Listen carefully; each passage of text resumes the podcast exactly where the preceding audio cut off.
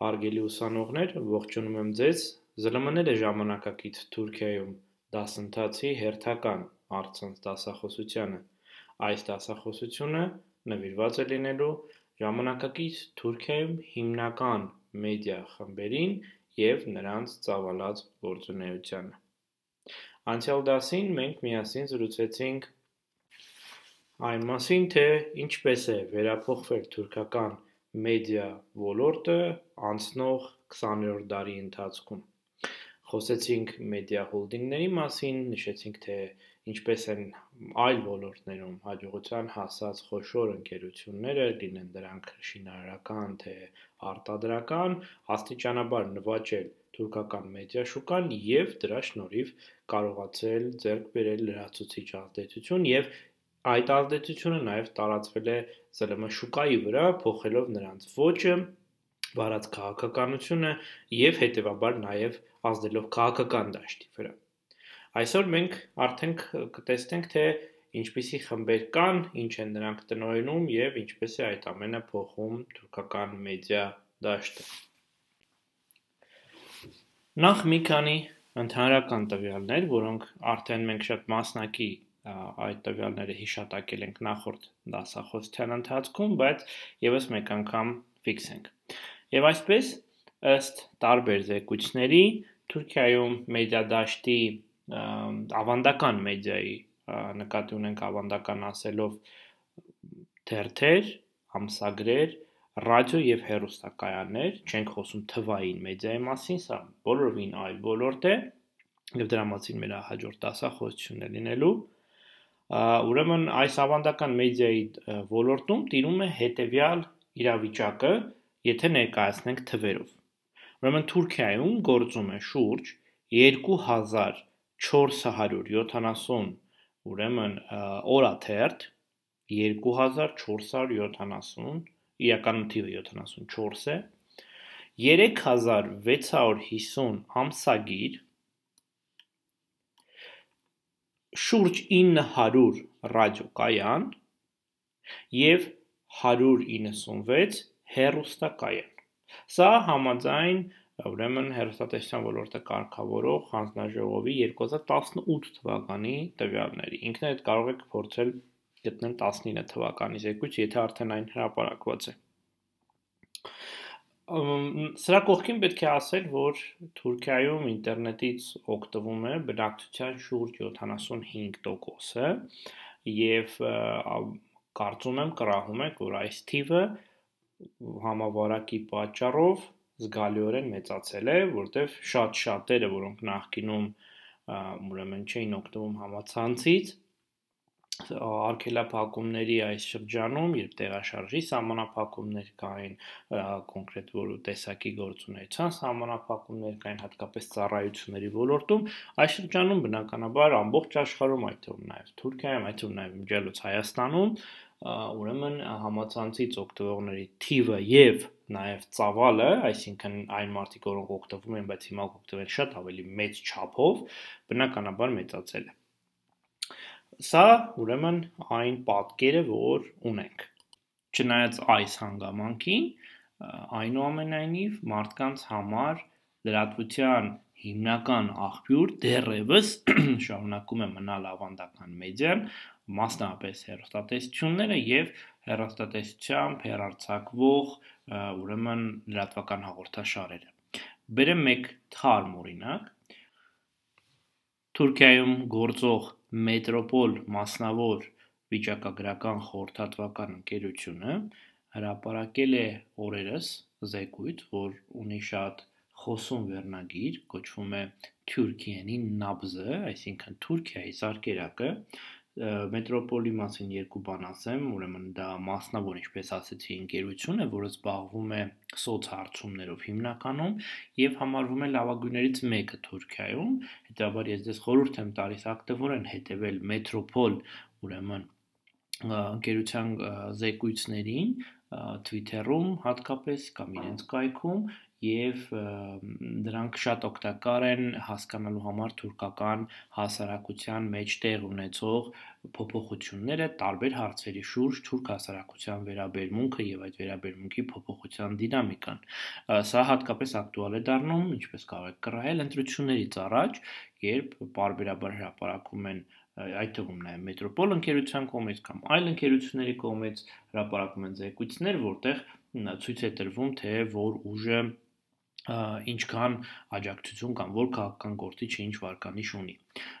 Սա իմիջայլոց եւ հիմա տեսնենք թե ինչ է ասում վերջին զեկույցը Թուրքիայի նաբզը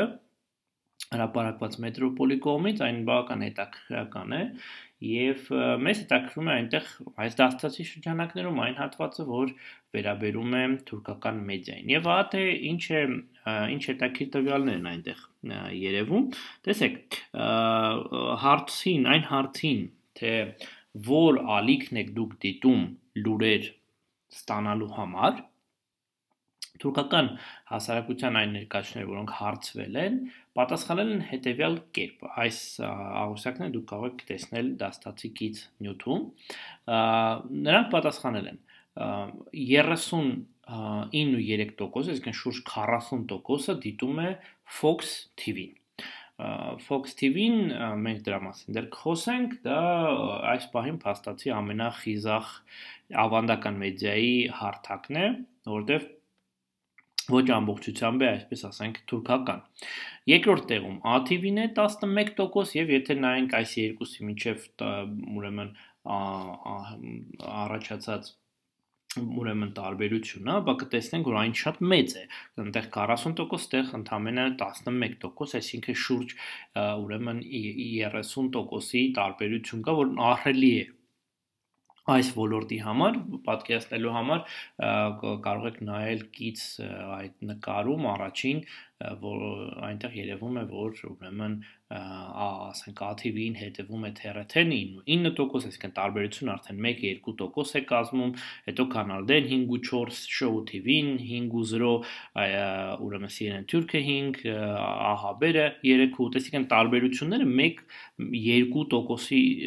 ուրեմն հարաբերակցությամբ են։ Իսկ Fox TV եւ մնացածների միջև, հատկապես երկրորդ տեղի միջև տարբերությունը շատ մեծ է։ Սա իհարկե շատ խոսում փաստ է,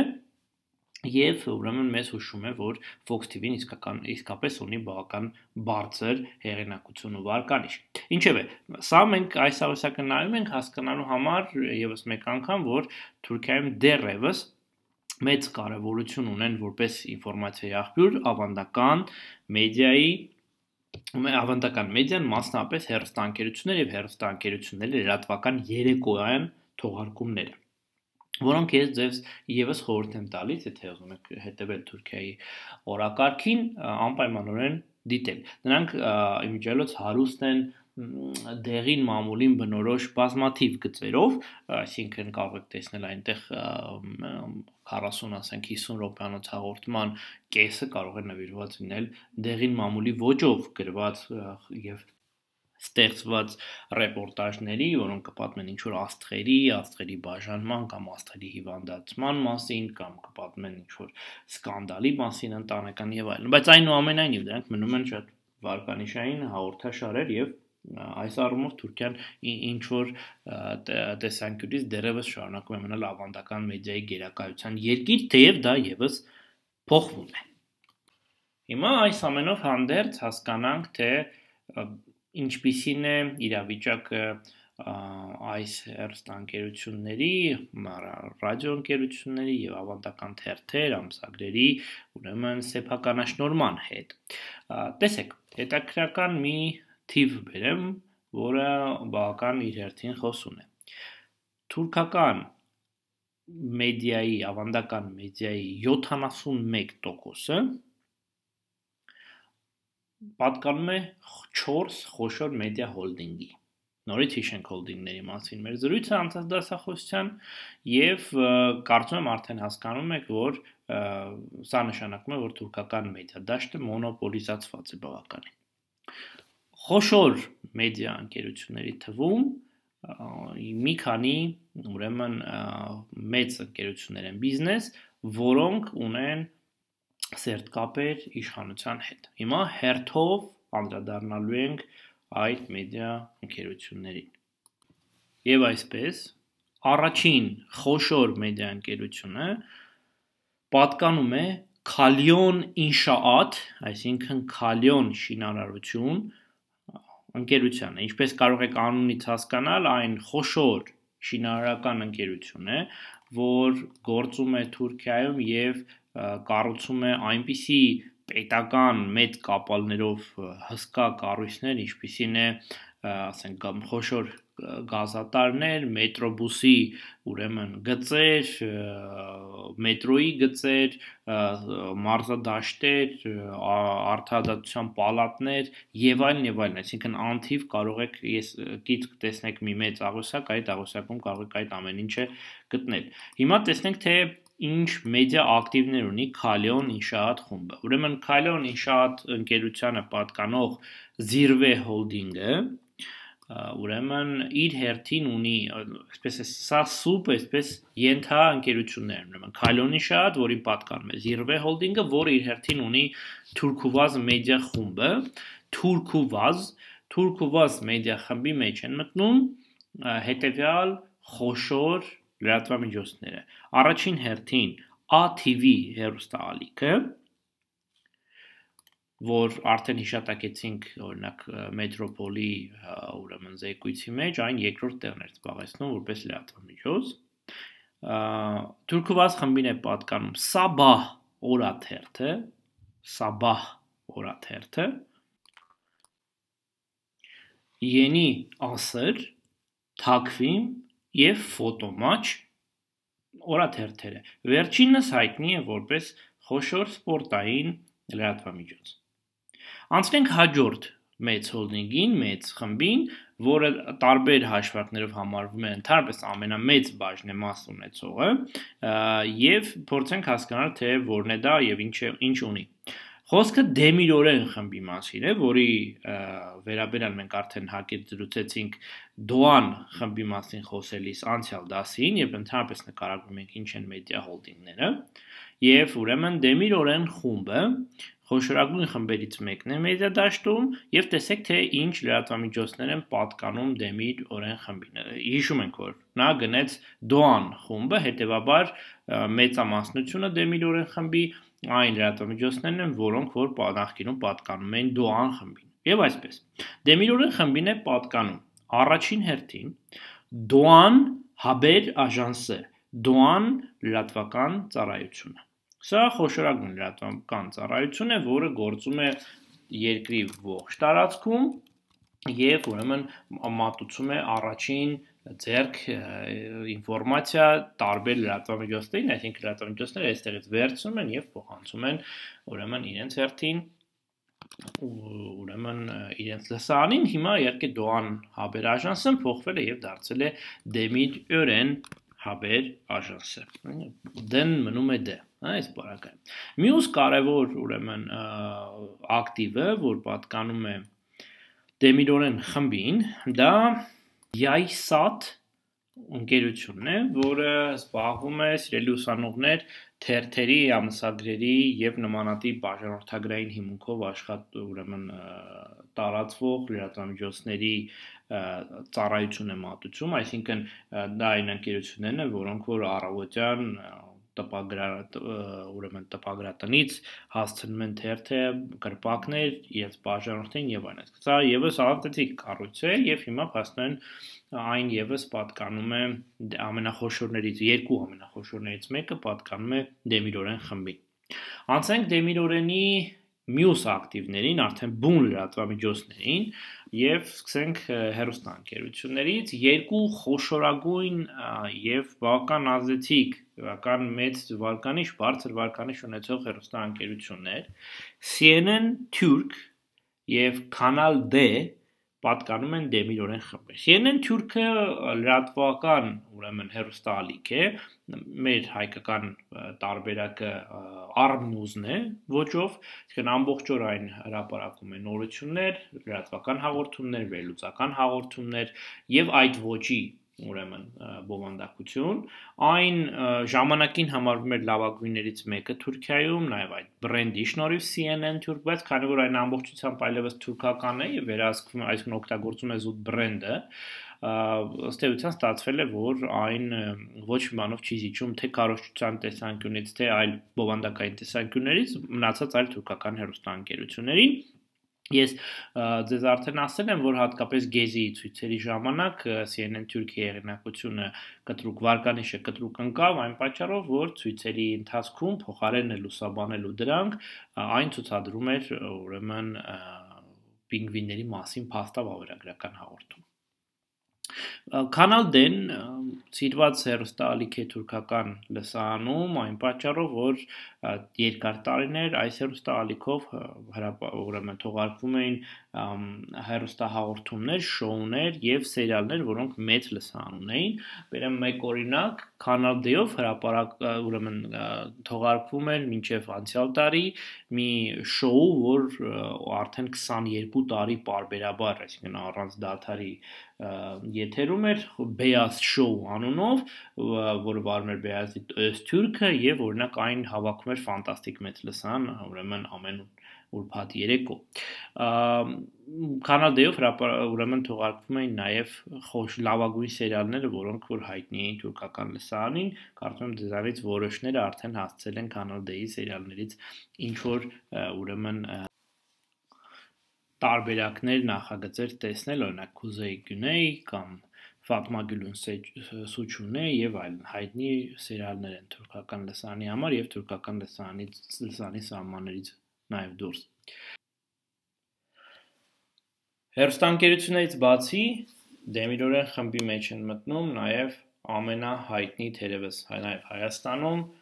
լրատվամիջոցները, թերթերը, եւ դրանց էլեկտրոնային տարբերակները։ Ադրանցից առաջինը, որ ձեզ կարծում եմ արդեն ծանոթ է, Hurriyet-ն է։ Մյուս թերթը, որ ելի հայտնի է մեր լսանին, Milliyet-ն է։ Երկուսն էլ Թուրքիայում բարձր վարկանիշ ունեցող մինչև այսօր. Եւ թերթերն եւ իրենց էլեկտրոնային կայքերը եւս ամենաայցելվողների թվում են Hurriyet ընդհանրապես առաջին տեղում մենք կարծեմ միասին արդեն նայել ենք։ Այս խմբին են պատկանում նաև Posta, Vatan, ուրեմն օրաթերթերը, որոնք եւս ծածկում են գերազանցապես նվիրված են քաղաքական իրադարձություններին, ինչպես նաեւ ուրեմն սպորտային բովանդակություն ունեցող ֆանատիկ օրաթերթը։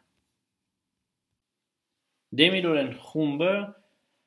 այնպիսի ուրեմն ոլորտներում է աշխատում, որոնք վերաբերում են թե շինարարությանը, թե բնական ուրեմն գազի եւ բենզինի ոլորտը, եւ թե ուրեմն անշարժ գույքի development կոչված ոլորտը, իրենց են պատկանում Միլան Պետրոլը, Total Oil-ը, Միլան Գազը,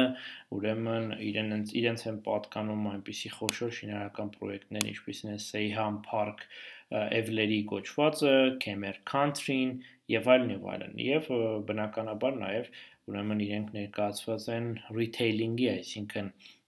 ուրեմն մանրածախ առևտրի ոլորտում, իսկ իրենց ամենա հայտնի կառույցներից մեկը եթե եղել եք Ստամբուլում կամ եթե լինեք Ստամբուլում, ապա անպայմանորեն առանց դժվարության կգտնեք, այն գտնվում է Իստիկլալ գլխավոր հետիոտնային փողոցում եւ այդ փողոցի վրա բարձրացող հին շենքերից մեկը ֆասադը պահպանվել է, սակայն ներքին ամբողջությամբ փոխվել է բազմահարկ մի խոշոր մոլ է, առևտրային կենտրոն է, որը հենց գրում է այդ խմբի անունը՝ Ören Istiklal AVM։ AVM-ն դա Alış Veriş Merkezi։ Այդ հապավումը Թուրքիայում նշանակում է մոլ, հա, նույն ուրեմն իմաստ ունի ինչ որ որ մենք օգտագործում ենք այստեղ մոլ բառը։ Մենք բոլոր այս լրատվամիջոցներին առանձին առանձին նրանցից խոշորներին առանձնադառնալու ենք, այնպես որ հիմա այս ավարտենք այս մեդիա հոլդինգների հատվածը եւ կանցնենք արդեն առանձին լրատվամիջոցներին։ Հաջորդ խոշոր մեդիա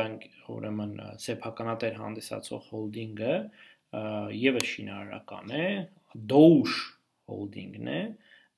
Doge Inşaat իր ամենահայտնի ուրեմն ակտիվը դա Doge Inşaatն է, Doge շինարարությունն է, որը մետրոյի գծեր է կառուցում, օլիմպիական քաղաքներ, արագ ուրեմն սրընթաց գնացքների գծեր օրինակ Անկարայի Սվազի միջև Սեբաստիայի միջև ուրեմն կայարաններ եւ այլն եւ այլն, այսինքն բազմաթիվ խոշոր, խոշորածավալ եւ պետության հետ անպայմանորեն ուրեմն համագործակցություն ենթադրող շինարարություններ է իրականացնում Դողուշ ինշաատը եւ Դողուշ հոլդինգի մեջ են մտնում այնպիսի լրատվամիջոցներ, ինչպիսին են NTV-ն, TV8-ը, Star TV-ն, Puhu TV-ն, սրանք բոլորը հայտնի են թուրքական լսարանին, ուրեմն հիմա որ ասեմ եւս մեկը կարող է դուք էլ հանդիպացնեք Kral TV-ն օրինակ, որ թուրքական այսպես MTV ֆունկցիան է կատարում, երաժշտական ալիքի ֆունկցիա է։ Vogue-ը, GQ-ն, սրանք ամսագրեր են, որոնք որ Doge Holding-ի կողմից են բրենդի տակ հրատարակվում Թուրքիայում եւ այլ։ Եվ Doge-ը եւս ազդեցիկ համարվում է ազդեցիկ ուրեմն լրատվական դաշտի խաղացողներից մեկը։ Մյուս ուրեմն անցնենք holding-ին, հա, իմջելոց չմոռանամ ասել, որ Doge Holding-ը նաև, ասենք, այնպիսի խոշոր իր պրոյեկտներ իրականացնում, ինչպիսին է ուրեմն Trump Towers, Trump-ի աշտարակներ կոչված պրոյեկտը Ստամբուլում։ Սա որպես պատկերացնեք մասշտաբները նրանց համագործակցության դեռ շատ վաղուց։ Մյուս խոշոր ընկերությունը, որ ունի մեդիա ակտիվներ եւ ազդեցիկ է, դա Albayrak Inshaat խումբն է, եւս շինարարական ընկերություն եւ Albayrak գրուպի մեջ են մտնում Yeni Shafak ուրեմն թերթը Yeni Shafak-ի մասին մենք առանձին կզրուցենք, սա Թուրքիայում այսօր կարևորագույն թերթերից մեկն է եւ գաղափարախոսական հատկապես տեսանկյունից է մեզ շատ հետաքրում այն իշխող կուսակցության գաղափարական հենասյուն հանդիսացող մամուլի օրգաններից մեկն է եւ TV-net կոչված ուրեմն լրատվամիջոցը բավական փոքր է բայց նորից մասն Յենի Շաֆակի շնորհիվ այն շարունակում է լինել արտեցիկ Մյուս հոլդինգը Giner-ն է, Giner Holding։ Giner Holding-ը զբաղվում է էլի տարբեր ոլորտներում գործունեությամբ, ուրեմն ծովային լոգիստիկա, ուրեմն շինարարություն եւ այլն եւ այլն եւ իրենց է պատկանում օրինակ նաեւ Քասım Փաշա սպորտային ակումբը ասենք ֆուտբոլում էլ ներկայացված են հա հյուրանոցային ոլորտում եւ այլն եւ Giner Holding-ին են պատկանում 3 խոշոր ուրեմն լրատվամիջոց։ Show TV-ն, որը մեզ Հայաստանում հայտնի է եւ Թուրքիայի սահմանից հայտնի է որպես էլի շատ հաջող սերիալային նախագծերի հեղինակ հերոստանգերություն, Show TV-ն ուրեմն, երկրորդը Bloomberg TV-ն է, որը էլի բրենդի տակ է հանդես գալիս Թուրքիայում, ամերիկյան, եւ վերջապես Haberturk-ը, որը եւ հերոստանգերություն է, եւ թերթ է, եւ նաեւ էլեկտրոնային մամուլ է եւ բավական ունի բարձր վարկանիշ թուրքական հասարակության մեջ, շատ ընթերցողներ ունի, հետևորդներ ունի, այնպես որ ուրեմն եւս կարևոր տեղ է զբաղեցնում։ Մյուս ուրեմն խոշոր խումբը, որ որին արժե անդրադառնալ, այսպես կոչված ուրեմն թե մեդիա կամ թե յանջլիկ վե մեդիա խմբին է պատկանում, այսա բացառապես այս պայդրությամբ մեդիա խումբ է, այսինքն ներկայացված չէ այլ ոլորտներում եւ այս խմբի մեջ են մտնում Star գազեթեսին, ժամանակին ադրբեջանական ակտիվ, Գյունեշը օրաթերթը, Ակշամ օրաթերթը, 24 TV-ին, Alem FM ռադիոկայանը եւ այլն։ Այն մանրները ավելի չեմ անդրադառնում, ասենք ինչպիսին է Լիգ ռադիո եւ այլն։ Դրանք մի կողմ եմ թողնում մեզ հետաքրող ավելի շատ ավանդական մեդիային ենք անդրադառնում, խոշոր ավանդական մեդիային։ Հաջորդ խումբը, որին արժե անդրադառնալ, այդ խումբը ուրեմն այսպես կոչված Իլհաս խումբն է կամ Ilhas Holding-ն է։ Ilhas-ը եւս ներկայացված է ամենատարբեր ոլորտներում՝ շինարարություն, ուրեմն բնական հանածոներ եւ այլն, եւ այս խմբի մեջ է մտնում Ilhas Haber Agency-ն, լրատվական երրորդ գործակալությունը խոշոր Թուրքիայում, ուրեմն դրանից զատ Թուրքիա գազաթեսին է մտնում այս խմբի մեջ եւ TGRT Haber-ը այն հերոստանգերություն է, որը ունի համապետական նշանակություն, այսինքն ցուցադրվում է ամբողջ երկրով մեկ եւ համեմատաբար նոր է տարբերություն այլ հերոստա ընկերությունների։ Սրանք այն հիմնական մեդիա խմբերն են, որոնք տնօրինում են թուրքական մեդիա դաշտի ճշով մեծամասնությունը 70-80%-ը գտնվում է բոլոր լրատվամիջոցների հենց այս խմբերի ուրեմն վերահսկողության ներքո պատկանում է իրենց եւ բնականաբար եթե հիշենք մեր նախորդ դասախոսությունը սա նշանակում է թե որ այս ընկերությունները եւ իրենք են կարևոր գործոն քաղաքականության մեջ եւ ծառայում են գործիք քաղաքականության մեջ, որովհետեւ բոլոր նշված խմբերն էլ ունեն մտերմիկ հարաբերություններ այդ խմբերի ղեկավարները մտերմիկ հարաբերություններ ունեն իշխանությունների եւ մեծ իշխանական խմբերի հետ, ինչը ենթադրում է որոշակի համագործակցություն եւ շատ դեպքերում հենց այդ համագործակցության շնորհիվ է որ այս ընկերությունները ստանում են այնպիսի խոշոր կապալներ, ինչպիսին ասենք մետրոյի գծի կառուցումը, որը իհարկե պատահական ընկերության երբեք չի տրվում։ Իհարկե մրցույթ հայտարվում է անհրաժեշտ ուրեմն օրենսդրական կանոնները պահպանվում են, սակայն բուն մրցույթի ուրեմն արդյունքները արդեն ի սկզբանե հայտնի են լինում։ Սրանք այն ուրեմն հիմնական խմբերն են կից ներկայացվող խոշոր աղյուսակում, ինտերակտիվ աղյուսակում, որը դուք ցանկալի է բացեք համակարգչով, կարող եք տեսնել այս խմբերը, ինչպես են դրանք միմյանց կապված, ինչ այլ ուրեմն սեփականություններ ունեն, ինչ ոլորտներում են աշխատում եւ կարծում եմ սա ձեզ համար բավական հարմար ուղեցույց է գից ներկայացվող այդ հղումը, եթե բացեք։ Հիմա եկեք միասին անդրադառնանք ըստ երեք հիմնական ոլորտի մի քանի այլ վիճակագրական տվյալների ու ընկղմվենք արդեն առանձին առանձին ամեն լրատվամիջոցի, թերթի, հեռուստաընկերության պատմության մեջ շատ հակիրճ հասկանալու համար թե ինչ են իրենցից տվյալ ուրեմն հերոստանգերությունները կամ թերթերը, օրաթերթերը ներկայացնում։ Ուրեմն առաջին ոլորտը հերոստատեսությունն է եւ հերոստատեսության ոլորտում ըստ 2017-18 թվականի տվյալների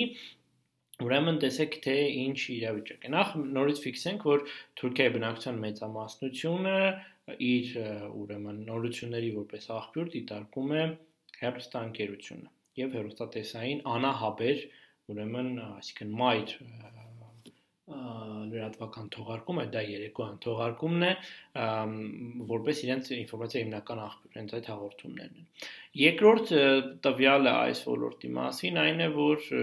առնվազն 73%-ը Թուրքիայի ողջ բնակչության օրական գոնե մի ժամ նայում է հեռուստատեսություն։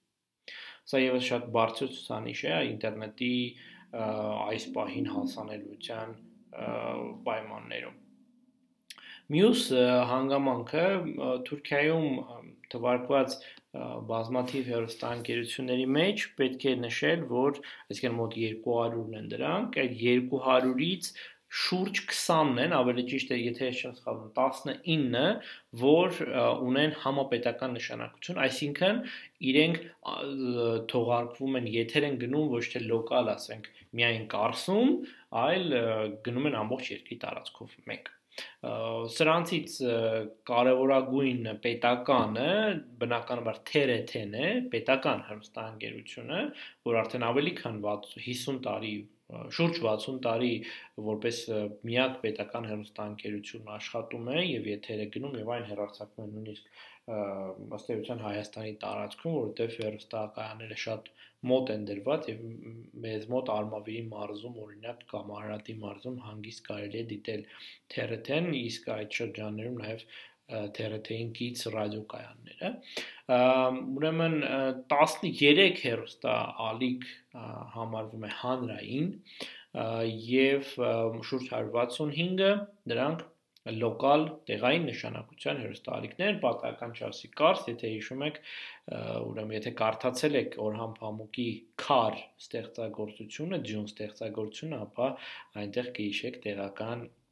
Սերհատ TV, սահմանային TV, Կարսի որպես տեղական հեռուստաընկերության դրա մասին պատմությունը։ 2016 թվականի հեղաշրջումից հետո մոտավորապես 20 հեռուստա ալիք ընդհանրապես դադարեցրեց, փակվեց նրանց հեռուստակումը։ Հեռուստաընկերությունների մասին խոսելիս անհնար է չխոսել այնպիսի կառույցի մասին, ինչպիսին է RTUK-ը։ RTUK-ը ուրեմն որ բացվում է այդ հապավում որպես ռադիո və տելևիզիոն üst kurulu, եթե բառացի թարգմանենք, ապա կստացվի ռադիո եւ հեռուստաընկերության բարձրագույն խորհուրդ, այդ կառույցը վերջին տարիներին դարձել է խիստ ազդեցիկ։ Նախ այն բացվել է 1994 թվականին օրենքի համաձայն եւ այն վերա կարգավորիչ եւ վերահսկող ֆունկցիա է կատարում թուրքական մեդիադաշտում, հատկապես հեռուստաընկերությունների մասով։ Նա իրավունք ունի կասեցնելու այս կամ այն հաղորդման եթերը կարող է ուրեմն պատժամիջոցներ կիրառել, զուգշացումներ կիրառել եւ այլն եւ այլն։ Այսինքն սա մի լուրջ օրգան է, որը որ որով որ պետությունը կարող է ցանկացած բան գրաքննել եւ արգելել օրինակ դրա հերարցակումը կամ այնպիսի պատիժներ ու տուգանքներ, դույժեր գրել այդ որևէ լրատվամիջոցի նկատմամբ, որ ստիլատամիջոցը ստիպված լինի դադարեցնել կամ բուն հաղորդման գործունեությունը կամ օրինակ ընդհանրապես հեռուստաընկերության գործունեությունը։ Այնպես որ սա շատ լուրջ կառույց է եւ եթե նայենք վերջին տարիների ուրեմն թուրքական արձագանքները, ապա Թուրքիա այդպես յուրահատուկ բան է, միֆական կերպար է ստացել որպես ամենատես եւ ամենազոր կառույց։ Անցնենք հաջորդ ոլորտին, հաջորդ ոլորտը ավանդական մեդիայի դա մեզանում մի քիչ ավելի քիչ հայտնի ռադիո ուրեմն ոլորտն է։ Մենք Հայաստանում շատ քիչ ենք թուրքական ռադիոյի հետ առնչվում եւ որպես լրատվության աղբյուր եւ որպես ընդհանրապես մեդիա ոլորտ, բայց ասեմ, որ ռադիո ոլորտը Թուրքիայում շատ զարգացած է, այն հատկապես երիտասարդության եւ հասարակության մի փոքր ավելի միջին, միջինից ցածր խավի ներկայացուցիչների մոտ այն բավական ազդեցիկ ինֆորմացիայի աղբյուր է, նրանք ովքեր որ շատ ժամանակ ճանապարհին են անցկացնում, նրանք ովքեր որ բավական ժամանակ չեն կարող տրամադրել ուրեմն կամ հնարավորություն ունեն նայել լսելու դա երբ որ ճանապարհին են քայլում են կամ որևէ այլ տեղ են ռադիոն Թուրքիայում ուրեմն ներկայացված է հետևյալ թվերով շուրջ 35 ազգային հերոստա ռադիոընկերություն կա ավելի քան 80 տեղական նշանակության, շրջանային նշանակության եւ ավելի քան ուրեմն 780 տեղական նշանակության ռադիոներ։ Այսինքն ընդհանուր առմամբ մոտապես 900 ռադիոկայան է աշխատում Թուրքիայում, ռադիո ալիք է աշխատում, բնականաբար դրանցից նաեւ պետական TRT-ն է, որը ինչպես արդեն ասեցինք, ուրեմն այստեղ Հայաստանում էլ է իր սփռոմ իր եթերը որը ուներ մինչև 92 թվականը ռադիոյի ոլորտում նաև մենաշնոր մոնոպոլիա։ TRT-ն ոչ միայն մի ռադիոկայան է, այլ այն ունի 5 հատ համապետական, 5 շրջանային, 3 միջազգային եւ 3 ուրեմն տեղական ռադիոկայաններ։ Դուք դա ինքներդ կարող եք ստուգել, ասենք եթե մտնեք TRT-ի կայքը radio.trt.net.tr հասցեով այնտեղ դուք կտեսնեք այդ TRT ռադիոյի բոլոր կայանները, դրանց on-line եթերները եւ այլն եւ նաեւ դրա միջոցով միջալոց սիրելի ուսանողներ կարող եք գտնել շատ յուրահատուկ տեղային տարբերություններ ռադիոկայանների, լսած թողարկված հաղորդումների, թողարկված եթեր հեռարձակվող երգերի եւ այլնի միջեւ եւ սա էլ դες համար ելի նյութ է հասկանալու համար թե ինչ բազմաթիվ շերտերից է բաղկացած այն մեծ երկիրը, որը մենք միասին ուսումնասիրում ենք եւ որը մեր հարևանն է ու նաեւ հակառակորդը քանի խոսեցինք TRT-ից, պետք է ասենք, որ նաև բուն հերոստալիք, այլ ոչ թե ռադիոն, ինչպես ասենք, ունի մի քանի տարբերակներ, դրանց այդ տարբերակների մեջ է նաև մտնում այլ լեզուներով հեռարձակվող, ուրեմն TRT-ի տարբերակները, այսինքն օրինակ կա TRT արաբի, TRT թուրք, TRT քյուրդի եւ այլն, այսինքն սրանք վա ուրեմն հերացակվում են արաբերեն, թուրքերեն, քրդերեն եւ նախատեսված են կոնկրետ տվյալ լսարանների համար, տվյալ լեզվով խոսող լսարանների համար, սա եւս համատաբար նորամուծություն է թուրքական ուրեմն մեդիա եւ ընդհանրապես քաղաքականության ոլորտում, որը պետք է փորձել մեղմել այն խնդիրները, որոնք առաջանում են օրինակ քրդերի հետ, որոնք փաստորեն զրկված են իրենց լեզվով եթեր ունենալու հնարավորությունից Թուրքիայի տարածքում։ Մեդիա հոլդինգների տեսանկյունից ռադիոյի ոլորտում ամենաազդեցիկ խմբերն են Դեմիրորենի խումբը, որ տիրապետում է Ռադիո Դե եւ CNN Թուրք, ուրեմն ռադիոկայանն եւ Դոուշ խումբը, ինչպես արդեն ասել ենք, Krell FM-ով, որ երկերի ուրեմն ռադիոկայան է, Kral Pop ունի իր տարբերակ, Kral World Radio, որ դա ասիկան ըստ ճաշակի երկերի ալիքներ են, բայց բոլորը նույն Kral բրենդի տակ են, NTV ռադիոն եւ այլն։ Սա ուրեմն այս ոլորտի երկու խոշորագույն ուրեմն ներկայացուցիչներն են, իսկ եթե անդրադառնանք ռադիոյի լսարանի քանակին, ապա ըստ տարբեր հաշվարկներին Թուրքիայի հասարակության առավել քան կեսը, իսկ մոտ 56 տոկոսը ռադիո լսում է,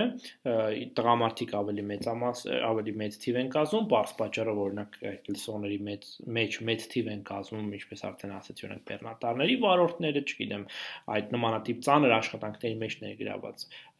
խմբի ներկայացուցիչները, բայց այնուամենայնիվ 56.1%-ը դա շատ բարձր թիվ է եւ խոսում է, որ այս ոլորտը իր ուրեմն ազդեցության պակաս էական նշանակություն չունի համաձայն Կոնդայի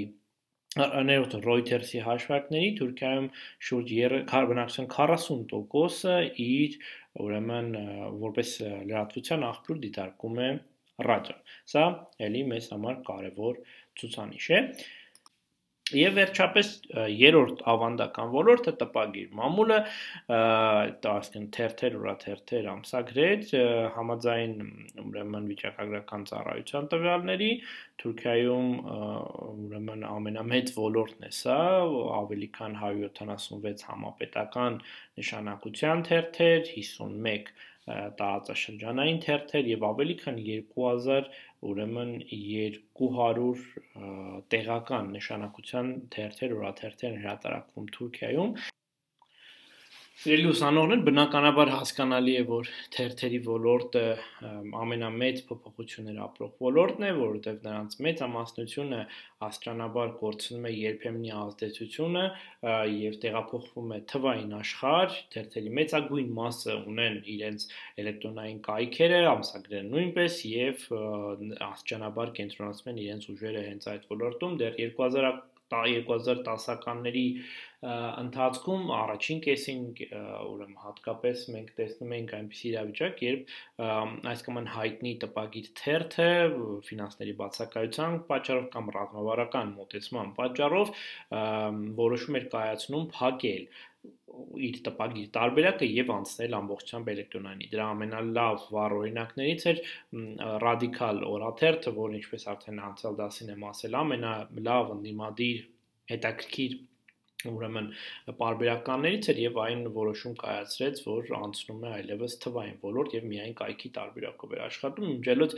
եթե դուք ուզում եք փոքրամասնային վերաբերող հետաքրքիր նյութեր գտնել հայերին, հույներին, հрьяաներին եւ այլն քրդերին, ապա անպայման խորհուրդ եմ տալիս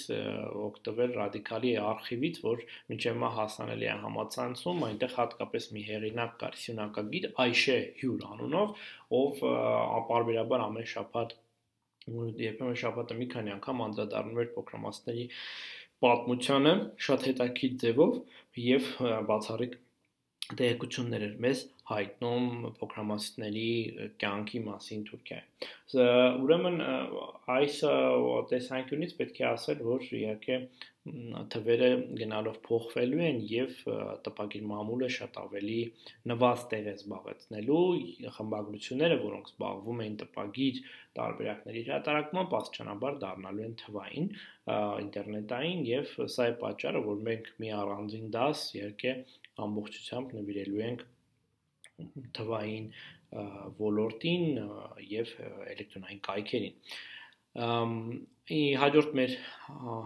դասախոսությունը նվիրված կլինի առանձին առանձին այս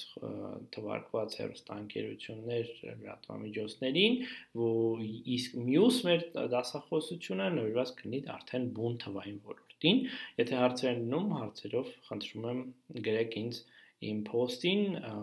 եւ հույս ունեմ, որ այս ինֆորմացիան ձեզ համար օգտակար է, անպայման օգտվեք զուգահեռ դասախոսությանը Google-ից եւ ցանկացած նշածս անուն արագ Google-եք, քանի որ մենք հնարավորություն ունենք լիարժեք լսանային դաս անցկացնելու, ցավոք մենք հնարավորություն ունենք այս գործընթացները միասին անցնելու, այնուամենայնիվ ինտերնետից կարծում եմ, որ դուք շատ լավ եք օգտվում եւ կարող եք անհրաժեշտ ինֆորմացիան գտնել։ Այսքանով ձեզ զառուցություն եմ մաղթում։ Կհանդիպենք մեր հաջորդ դասախոսությանը։